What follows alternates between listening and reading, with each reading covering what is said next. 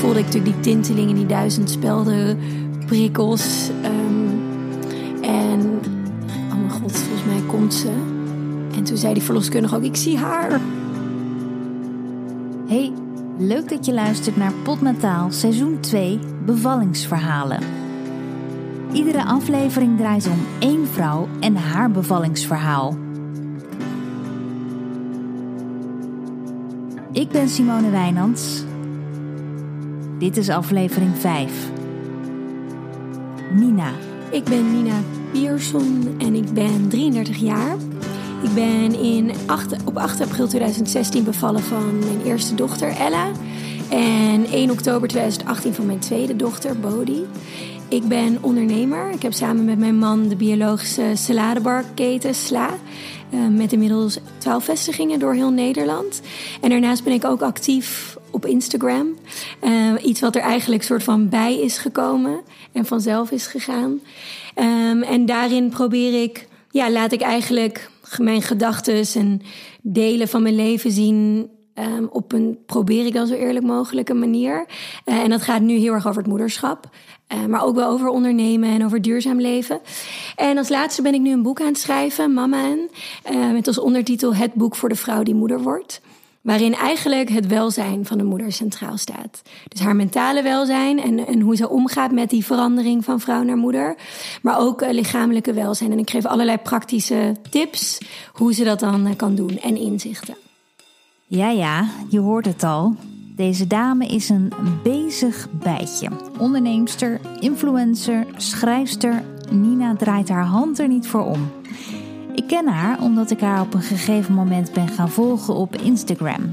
Een inspirerende vrouw vind ik haar, die ook heel open is over het moederschap. En grappig genoeg zijn onze kinderen vlak na elkaar geboren. Onze oudste schelen een half jaar met elkaar, maar onze jongste maar een paar weken. Dus veel van de fases waar Nina doorheen gaat met haar kinderen herken ik ook. Mijn eerste die kwam één dag voor uitgerekende datum. Dus ik was sowieso met een tweede hoor je van die komen nog eerder. Dus ik was er helemaal op ingesteld en de dag van uitgerekende datum kwam en gebeurde niks. De dag daarna gebeurde niks, de dag daarna niks. Dus ik dacht, nou weet je, ze blijft gewoon nog twee weken zitten. Dus ik had die avond een mooie film gekeken um, en ik ging naar bed met het idee van uh, het gaat nog wel even duren. En toen werd ik om één uur s'nachts wakker en dacht ik, oh, ik moet naar de wc. Tweede boodschap, zo voelde het even. En oké. Okay, um, en je herkent het wel meteen, dat, dat is echt een groot verschil met die eerste. Maar toch dacht ik, nou, even afwachten. Weet je, ik weet hoe belangrijk het is om rustig te blijven zodra je het eerste gevoel hebt. Dus ik bleef gewoon in mijn bed liggen. Um, maar het waren dus een soort van ongesteldheidskrampen. Waardoor ik wakker werd en eerst nog half naar de wc lopen. Nee, toch niet. Wel, heb gaan plassen, het hielp niet. En, en toen besefte ik, oké, okay, volgens mij is dit wel in gang. De bevalling is begonnen, maar hoewel Nina tot in de puntjes is voorbereid, komt het toch als een verrassing. De grap was, omdat ik dacht, oh, ik ben er nu helemaal op ingesteld. Want ik weet hoe het voelt of zo, van uh, dit gaat gebeuren. En dat had ik dus helemaal niet. Ik dacht echt oprecht, ik ging die avond slapen en ik dacht, nou, het, ze, duurt, het, ze komt dit weekend wel. En dat was vier dagen of zo later. Dus ik, ik heb wel grappig genoeg bij allebei, als ik nu dan terugkijk, zijn het wel de, de in de avond is het begonnen en in dit geval de nacht bij de tweede. Dat ik die dag toevallig, niet bewust, maar de hele dag thuis ben gebleven. Normaal ga ik nog wel even een boodschapje doen of met iemand afspreken. Maar dus als ik nu terugkijk, ben ik wel die hele dag thuis geweest. Alsof mijn lichaam onbewust voelde van blijf maar in en rondom het huis, want het gaat beginnen. Ja, ik, geloof, ik geloof daar wel in. Dat het, want je hoort ook helemaal niet zo vaak dat vrouwen dan ergens zijn en dat het dan gebeurt. Eigenlijk. Nee. Het is toch meestal thuis. Nee, ik denk je dat je ook echt rust nodig hebt. Je hoort toch ook meestal dat het s'nachts of s avonds begint. Eerder nog dan overdag. Omdat het toch die hormonen moeten worden aangemaakt. Die oxytocine, dat is het belangrijkste hormoon voor het in gang zetten van de bevalling. En dat heet niet voor niets ook het verlegen hormoon. En omdat vrouwen die het ja, dus in rust en veiligheid, dat dat op uh, het beste werkt. Of het hormoon eigenlijk tot het beste uh, wordt aangewakkerd, of zo hoe je dat ook noemt. Ja. Ze gaat weer rustig liggen in bed, alsof er niets aan de hand is. Maar dat blijkt moeilijk vol te houden. Toen heb ik op ja, ik denk echt al na een kwartier of zo, toch mijn man wakker gemaakt. En hij zei ook zijn eerste reactie. Hij, hij sliep net. Hij was die avond iets te laat gaan slapen. Nee joh, weet je, het is echt nog niet. Ik zo, uh, nou oké, we gaan het zien. Dus hij legde zijn hand op mijn buik, ging een lepeltje, lepeltje liggen. En hij voelde echt dat mijn buik al aan het samentrekken was. Dus toen dacht hij, oké, misschien is het toch wel zo. En we hadden uh, het bevalbad had ik gehuurd. En dat had hij al opgepompt, maar dat moest nog even afgemaakt worden. Dus hij is dat toen toch maar even in gang gaan zetten. Dat kreeg ik ook als tip van de verloskundige. Zodra je begint, want je eerste bevalling ging ook vrij snel. En je wil in bad bevallen, meteen doen. Dus um, hij ging dat klaarmaken. En mijn oudste dochter die lag te slapen. Dus ik ben toen in dat kamertje... Um, wat kleertjes die, die ik voor Bodie had neergelegd gaan pakken, de fan aangezet, zodat ze een soort van ruis zou hebben voor het geluid wat zou komen, en de deur dicht gedaan. Met de wetenschap van als ze wakker wordt, ben ik er ook oké mee, dan mag ze erbij zijn. Waar voor veel vrouwen dit wel een beetje het moment is om de ziekenhuistas te pakken, is dat voor Nina niet nodig, want ze wil graag thuis bevallen. Ik ben met mijn eerste ook bewust thuis bevallen. Dat, tenminste, dat dat gevoel had ik eigenlijk al vrij snel nadat ik een cursus had gevolgd. En dat vertrouwen had ik um, om het gewoon thuis te doen. En hoe meer ik erover las, hoe meer vertrouwen me ook gaf dat dit de plek was voor mij. Dus, en met die eerste ging het zo vlot en goed, zonder complicaties, dat ik dacht: van, nou, weet je, als, als het allemaal goed gaat en er geen medisch probleem optreedt, dan ga ik het ook gewoon weer doen. Dus alles stond gewoon klaar hier. En dat, dat viel me ook alles mee. Je hoeft eigenlijk helemaal niet heel veel voor te bereiden. Je krijgt een kraampakket en daar zit alles in wat je nodig hebt. En ik had uh, van de vorige keer zo'n bal, zo'n skippybal. En die had ik nog liggen, opgepompt. En dan alleen het bad had ik dan nu extra gehuurd. Ik had wel wat paar andere dingen extra gedaan trouwens hoor. Een playlist gemaakt en uh, wat kristallen. Ik had echt een soort van... En, en olie, ik had zo'n diffuser, lekker lavendelolie erin gedaan. Voor de ontspanning. Klinkt allemaal zo gezellig. Je zou bijna vergeten dat er toch echt serieuze weeën in het spel zijn. Toen dacht ik, nou, volgens mij komen ze eigenlijk best wel snel al. En ik merkte, en dat wist ik van de vorige keer ook, zodra het punt komt dat ik op een wee niet meer echt zin heb om te praten of naar buiten te keren, dan begint het wel echt wat serieuzer te worden. Dus die pijn nam toe. En toen zei je op, nou, dat kan toch niet, weet je. We zijn en hoe snel was dat dan? Dit was rond half drie. Dus om één uur werd ik wakker. Dus rond half drie, drie uur, um, hebben de verloskundigen gebeld. En die wist ook uit mijn, voor, van mijn vorige bevalling dat ze er wel redelijk serieus moesten nemen als we, bellen, als we belden. Dus die kwam toen meteen kijken. Ze was er half vier. En uh, toen nou, ging ze. Uh, ik merkte trouwens op het moment dat ze binnenkwam en met mij begon te praten dat mijn weeën afnamen. Dus dat ik een soort van uit mijn moment werd gehaald. En een soort van eventjes, weet je, met mijn ratio bezig was met haar praten. Vertellen natuurlijk hoe het was gebeurd, wat er gaande was, hoe ik me voelde. Um, en toen zei ze ook heel fijn van, weet je, ik ga even beneden zitten. Ik zie dat je lekker bezig bent. Roep me maar of ik hoor het wel. Ik kom er straks ook wel weer kijken. Uh, maar voordat ze ging, toch even gemeten. En toen, uh, want dat vond ik gewoon toch fijn om te weten waar ik aan toe was. En toen dacht ik, nou weet je, het gaat echt ik voel nog helemaal niet heel heftig of zo. Dus waarschijnlijk twee centimeter. En toen zei ze, nee, je zit al op vijf centimeter. Oké, okay. oh, en, ik weet nog dat ik dacht, oh, ik ben zo blij. Ik ben zo blij van je, je, Ik wist met die eerste dat het wel redelijk soepel kon verlopen, maar je weet het gewoon nee, niet. Nee. Dacht ik, ook oh, ben zo lekker bezig. Oké, weet je, we gaan, uh, we gaan op de goede weg. Ik zit op de goede weg. En toen um, toen zei ze al, ja, ik zou nog even wachten met in bad gaan. Want bad kan pijnstillend werken. En het deed nog niet mega pijn. Dus oké. En Job zei dat ook van, weet je, doe gewoon nog lekker even. Ga nog een tijdje door. En wanneer je zoiets hebt van, oh, ik kan die pijn echt niet meer aan. Ga dan in bad. Um, dus ik zat gewoon over die bal te rollen. En die wee, ik ging gewoon steeds, ik ben, ik ben een hele stille bevaller. ik ga echt heel erg in mezelf. En, en bijna, weet je wel, echt die weeën wegzuchten. Um, en wat me eigenlijk ook het meest verraste, met name tijdens die eerste, want toen wist ik het nog niet, is tussen de weeën door gaat het eigenlijk best prima.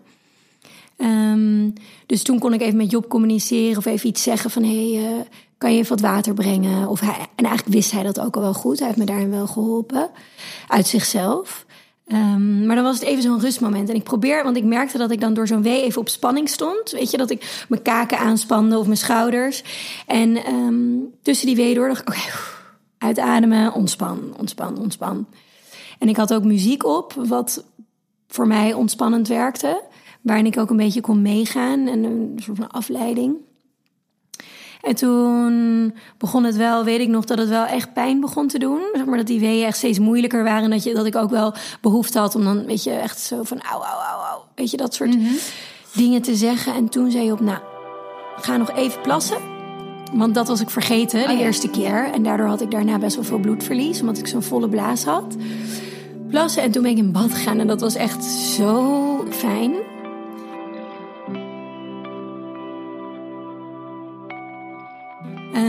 Het was best wel een warm bad. En het is, ik noem het dan een skippybal en bad combinatie. Zo'n bevalbad is zo zacht. En je hebt van die hendels aan de zijkant. Dus ik kon me daar lekker aan vasthouden. Er zit een soort stoeltje in waar je op kan zitten. En die kun je gewoon huren in, in het ziekenhuis.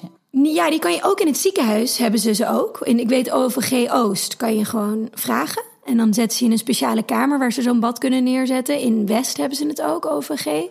Maar deze heb ik via Holistic Doula gehuurd. Uh, maar je kan het als je het googelt, bevalbad huren, dan komen er echt genoeg opties op. En je hebt goedkope, volgens mij begint het vanaf 60 euro. Maar, de wat duurdere zijn 200. Um, ehm, en je krijgt er helemaal een zeil bij. Dus het is echt heel hygiënisch. Dat zeil gebruik jij alleen voor jouw bevalling en daarna gooi je het weg. En een pomp. Dus je hoeft er niet zelf op te blazen. Gewoon een elektrische pomp. Um, maar ja, dus toen ging ik in bad. En dat was echt.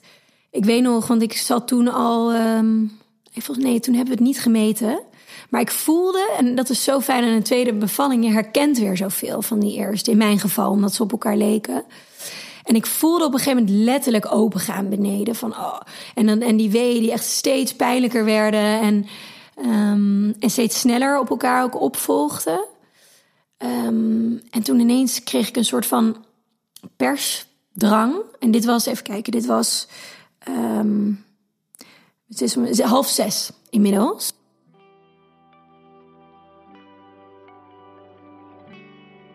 We zijn al in de vroege ochtend aanbeland. Nina heeft er al een nacht op zitten inmiddels.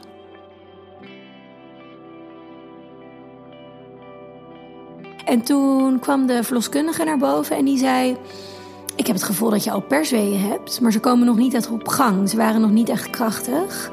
Uh, dus Grappig, hè? het is nog niet zo lang geleden. Maar het is goed dat we dit gesprek hebben. Want je hebt eigenlijk. Uh, ja, ik moet het echt weer even zo ophalen. Want volgens mij heeft ze me wel daarvoor nog één keer gemeten. En toen had ik 9 centimeter. En toen dacht ik: oké, weet je, nu ben ik er echt bijna. Dus dan kan je de pijn ook beter aan. Ik ben er echt heilig van overtuigd dat dat ik het dus ook geen seconde, ook omdat ik thuis beviel, heb hoeven nadenken over pijnbestrijding, omdat het ook wel snel ging. En ik kan me voorstellen, als je dus uren deze enorm heftige wee hebt, dat je op een gegeven moment het wel nodig hebt om nog te kunnen ontspannen, om het voor te zetten, ja. weet je. En, en het ging omdat ik elke keer weer van mezelf, van mijn lichaam, het bewijs kreeg: hé, hey, je bent lekker bezig. Een soort van schouderklopje. Werd ik ook weer gemotiveerd om door te gaan waarmee ik bezig was. Hoe voelde je je toen op dat moment? Voelde je ook nog wel, merkte je iets van, je bent natuurlijk moe, je hebt eh, uren er al op zitten, je hebt een, je nacht sla je over. Merkte je daar dan wat van? Uh, nee, want ik was gewoon echt wel vol van adrenaline. Weet je, je bent, het is ook gewoon zo spannend. En die pijn, die weeën, die zorgen er gewoon voor dat je dus ook die, die hormonen aanmaakt. En dat is wel mijn. Ik, ik geloof dat een vertrouwde omgeving waarin je je veilig voelt en waarin je niet te veel impulsen krijgt en mensen die je niet kent eh, of die vragen worden gesteld of dat je niet een medisch gevoel krijgt van er is iets aan de hand, zorgen er ook voor dat je echt die hormonen gewoon keihard eh, in je lichaam worden vrijgemaakt. Dus ik denk dat dat, ja, daardoor heb ik niet een moment gehad van oh ik ben moe. Of ik kan niet meer. Wel als in de pijn, ik kan niet meer. Maar niet door de moeheid of uitputting. Um, en mijn moeder heeft altijd gezegd: Oké, op het moment dat je denkt ik kan niet meer, dan is het heel vaak zo dat het echt staat te gebeuren. Dus dat had ik nu ook weer van: ik, ik heb wel zo'n moment dat ik in dat bad zat en dacht: Oh, ik kan echt niet meer. En het voelde gewoon die, die laatste centimeters ontsluiting voelen echt alsof er gewoon iets open aan het gaan is. Dus nog niet dat het kind eruit komt, maar ja, alsof mijn hele onderkant aan het opengaan was met per wee. Dat was ook zo. En dat was ook zo, daarom.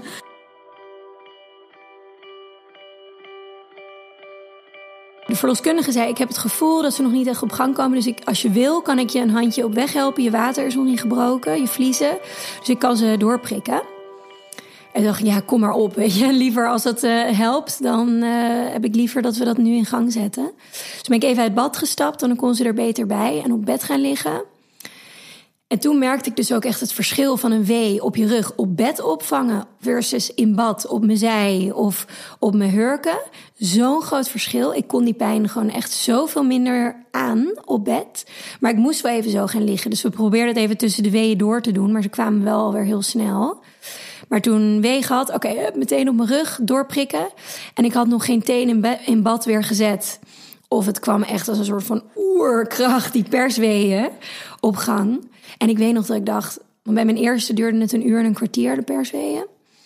En ik weet nog dat ik dacht, ik ga nu gewoon zo hard persen als scheur ik van voor tot achter uit. Ik wil gewoon dat ze eruit komt. Want ik vind, ik kon dus die weeën, ontsluitingsweeën, super goed handelen op de een of andere manier. Terwijl die pijn wel heel intens was, maar ik kon die zo goed aan. Maar die persweeën vind ik echt, vond ik echt eng.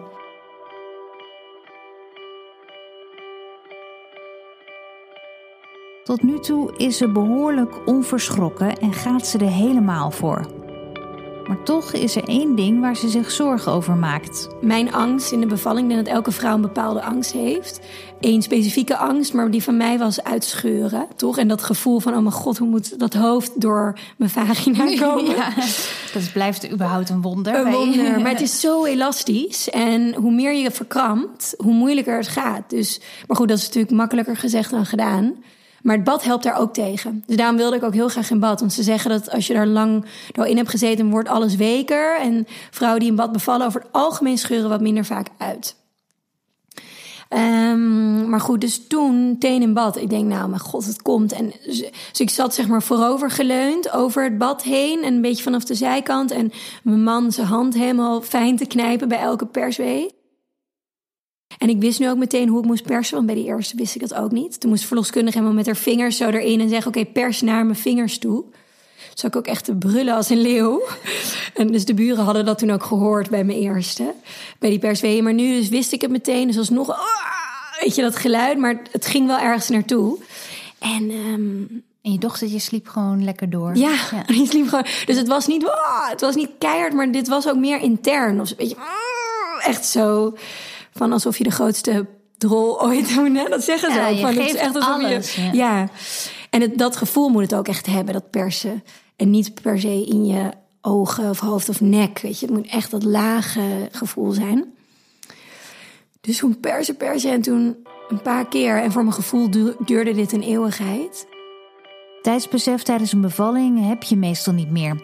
En omdat ze al eerder een bevalling doormaakte die erg leek op deze, voelt ze plotseling aan dat het niet heel lang meer gaat duren nu. Toen voelde ik natuurlijk die tintelingen, die duizend spelden, prikkels. Um, en dacht ik, oh mijn god, volgens mij komt ze. En toen zei die verloskundige ook, ik zie haar. Oh. Maar ik was zo, um, ik had me voorgenomen van ik wil haar dan echt ontvangen. Weet je, zodra ze eruit komt. Of al met, maar ik, omdat het me dus zo overweldigde ook ergens, die persweeën. dacht ik, oké, verloskundige, weet je, pak jij haar maar aan. Dus die, toen zei ze op een gegeven moment, oké, niet verder persen. Omdat je anders dan sneller kan uitscheuren. Dus moest ik het even inhouden. En dat vond ik ook zo'n gek gevoel. Toen was haar hoofd er al uit, half. En dan wil je gewoon niets liever dan eruit. Maar je moet gewoon even wachten tot, tot de volgende perswee. Want, want Omdat de anders, als het te snel gaat, dan, heb je, dan kan je sneller uitscheuren of meer uitscheuren.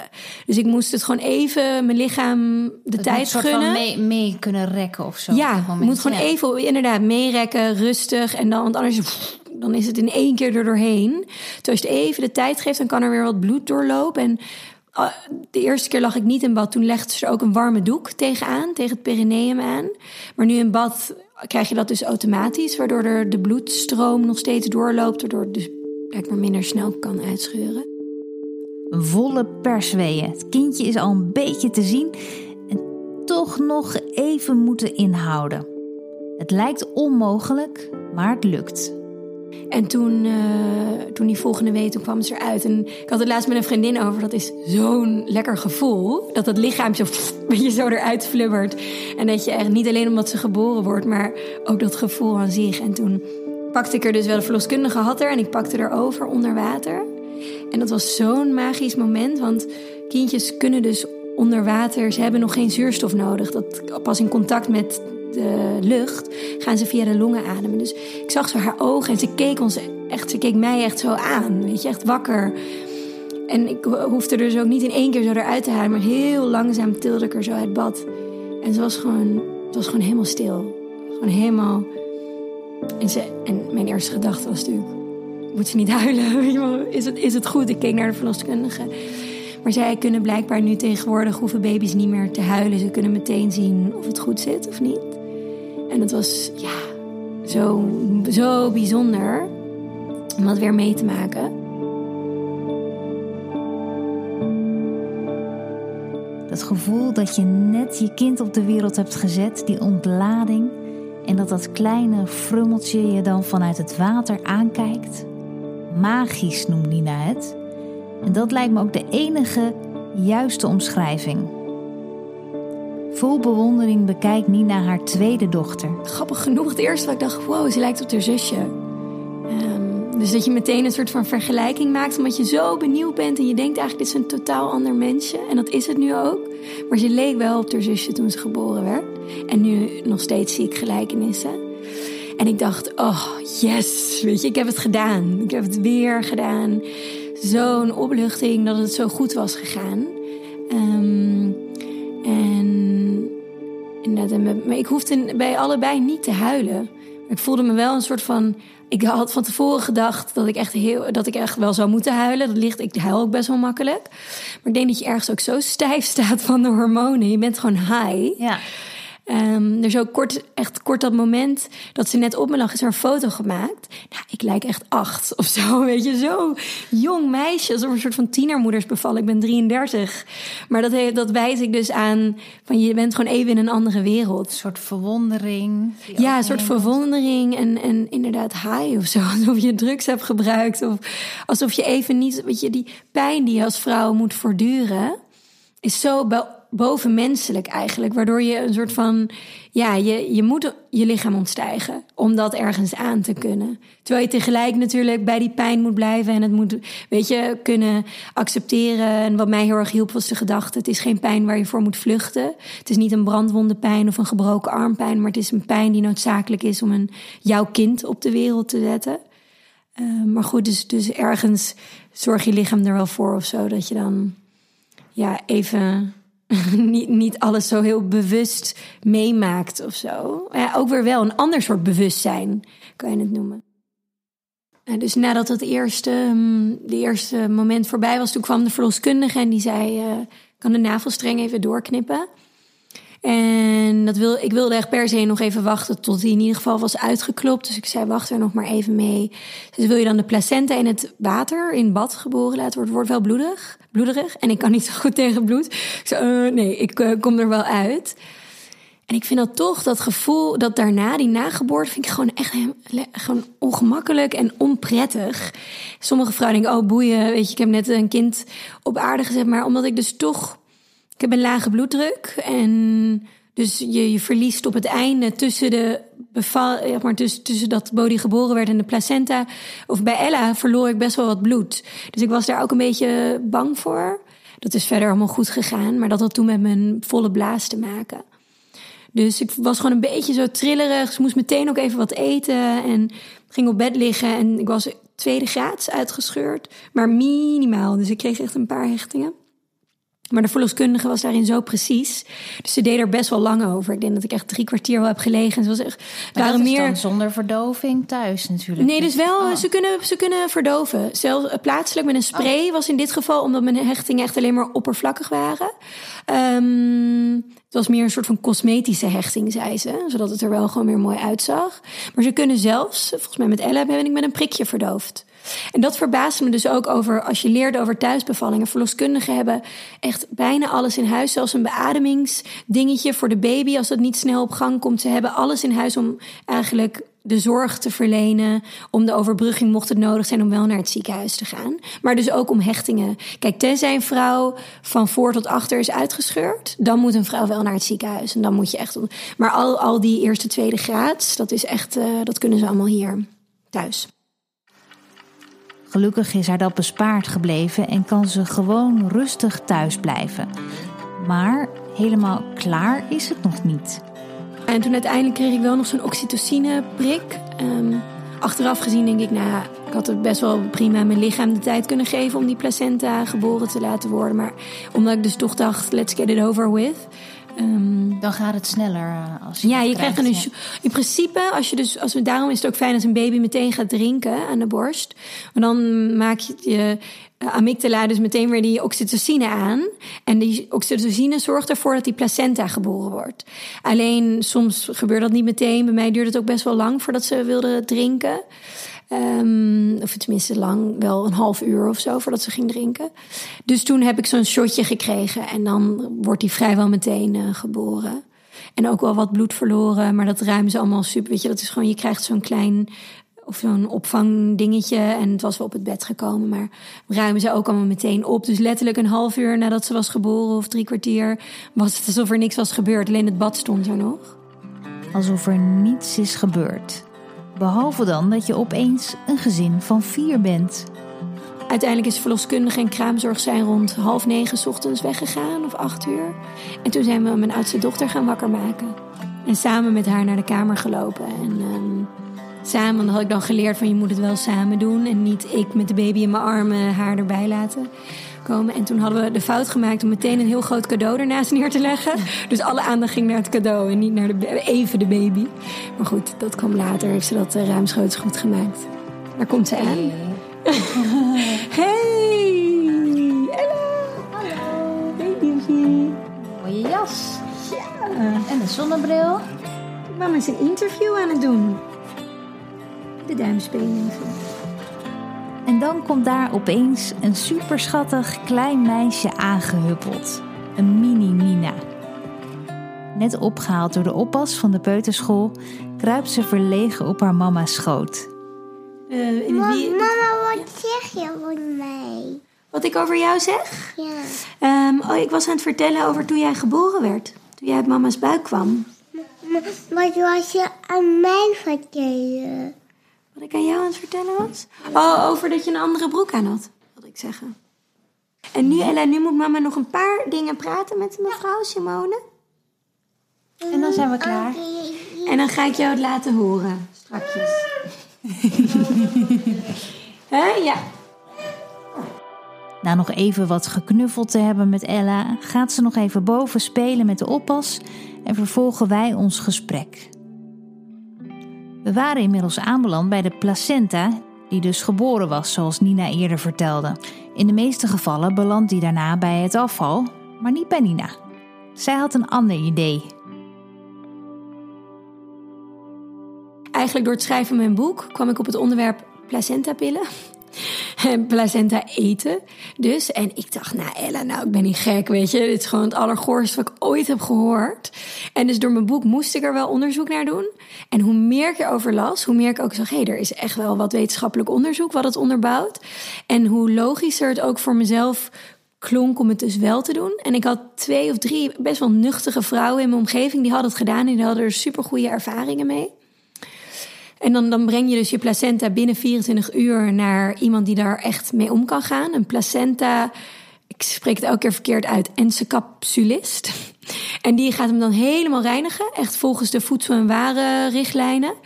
Uh, schoonmaken en dan dus drogen in zo'n droogoventje, verpulveren. En dan dus vitaminepillen, capsules ervan maken. Dus dat heb ik met mijn placenta gedaan. En, uh, dus die moest binnen 24 uur moest die bij haar zijn. En ik had meteen een koeltasje waar die in ging in de ijskast. En toen de volgende, dus die dag, uh, volgens mij mijn broertje of mijn moeder, die heeft hem toen gebracht, langsgebracht. En uh, ik moet zeggen, want waarvoor is het dan goed, zeggen ze? Het, het, het vult je ijzer, ijzer weer aan. Want je hebt vrouwen na de bevalling hebben best wel een ijzertekort. Het is natuurlijk een orgaan, dus enorm veel ijzer zit daarin. En je hebt de waar vrouwen het meeste last van hebben, zijn hormoonschommelingen. Dus niet per se dat er heel veel hormonen zijn of weinig, maar de schommeling ertussen. En na je bevalling, je placenta maakt geloof ik iets van 200 hormonen aan. Gaat dat kelder dat best wel, ook wanneer je borstvoeding geeft. En wat eigenlijk zeggen ze dus die placenta-capsules doen, is dat heel geleidelijk afbouwen. Dus ik, en ze geven je dus energie. Dus ik voelde me echt best wel goed in de kraamtijd. En ik heb ook an, ik heb meer rust genomen. Ik heb wat behandelingen, zo'n stoombad voor mijn vagina gedaan. En nog een aantal massage aan bed. Dus je weet natuurlijk niet exact of het alleen ermee te maken heeft. Maar ik kon die pillen bijvoorbeeld na drie uur s middags niet meer slikken. Want anders kon ik s'avonds niet slapen. Het was echt, ik kreeg er zoveel energie van. En ik heb een paar kraamtranen gehad. Um, ze zeggen zelfs, er zijn mensen die zeggen dat het dus postnatale depressie kan helpen voorkomen. Weet je, als je op dat randje zit, omdat je dus zo'n door die hormonen um, wat stabieler te laten afbouwen. Dus het is best wel een interessant gegeven. Uh, en als je er dus meer over wil weten, Gentle Beginnings. Die vrouw uh, die doet dat in Amsterdam. En die via haar. Ze heeft ook allerlei linkjes naar wetenschappelijk onderzoek. Echt gewoon gangbaar wetenschappelijk onderzoek. Wat er dan is gedaan de afgelopen jaren. Um, dus dat was voor mij eigenlijk een goede ervaring met mijn placenta. Ik zou het wel, ik zou het dus weer doen. als, ik ooit, als we ooit een derde kindje besluiten te krijgen, dan, uh, ik denk dan baat het niet. Uh, dan, uh, nee, dat is het natuurlijk ook. Hè. Misschien, misschien werkt het wel niet, maar is het met mentaal effect. Ja, dat ja. zou kunnen. Maar... Ja, dat weet je ja, gewoon niet. Nee. Weet je, met zoveel dingen.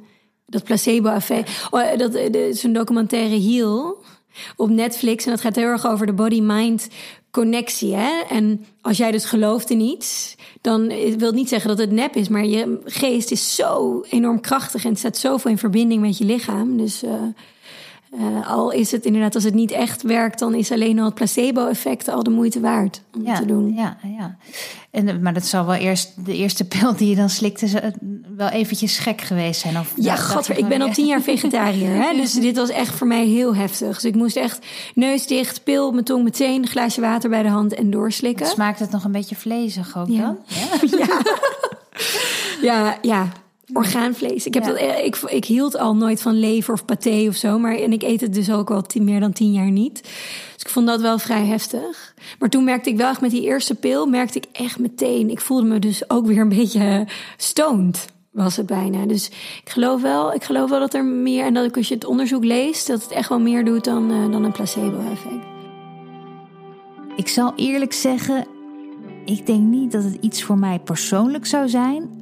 Maar ik vind het wel heel cool dat Nina het durft te proberen.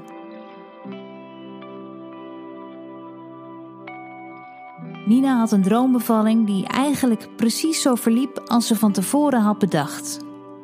Wat ze alleen niet van tevoren kon weten was hoe dochter Ella het zou vinden om opeens een zusje te hebben.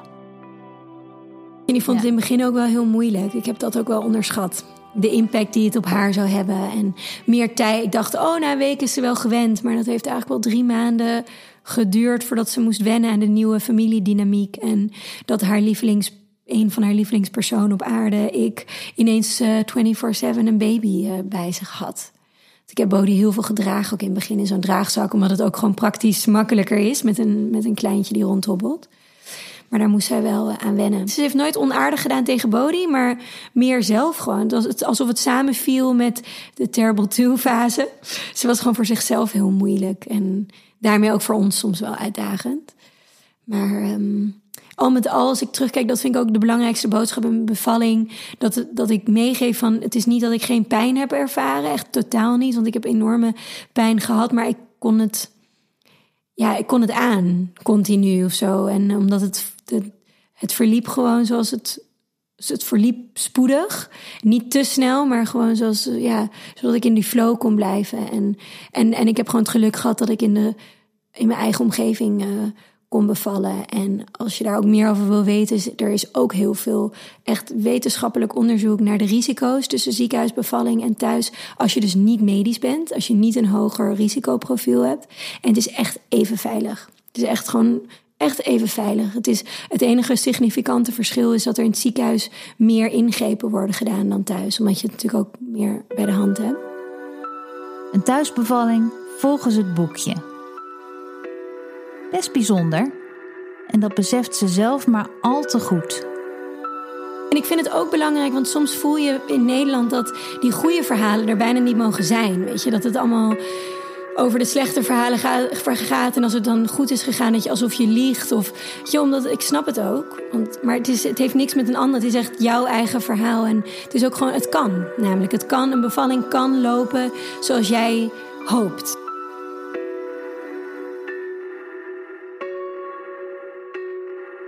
Je hoorde het verhaal van Nina. Voor meer informatie over deze podcast check je de site van Dag en Nacht Media. Mijn naam is Simone Wijnands. Wil je meer weten over mij of heb je een vraag misschien? Volg me dan vooral op Instagram, Simone Wijnands underscore, zo heet ik daar. En heb je met plezier geluisterd naar Potnataal? Laat dan een recensie achter in iTunes, zodat nog meer mensen deze podcast weten te vinden. Dank en tot de volgende. Als ik ooit nog van, van een derde beval, dat ik die perswee, dat ik daar nog een beetje op ga studeren. Ja, je hebt het twee keer gedaan en dat ging heel goed. Ja, negen minuten trouwens de tweede keer. Dat had ik niet verteld, maar in negen minuten was ze eruit.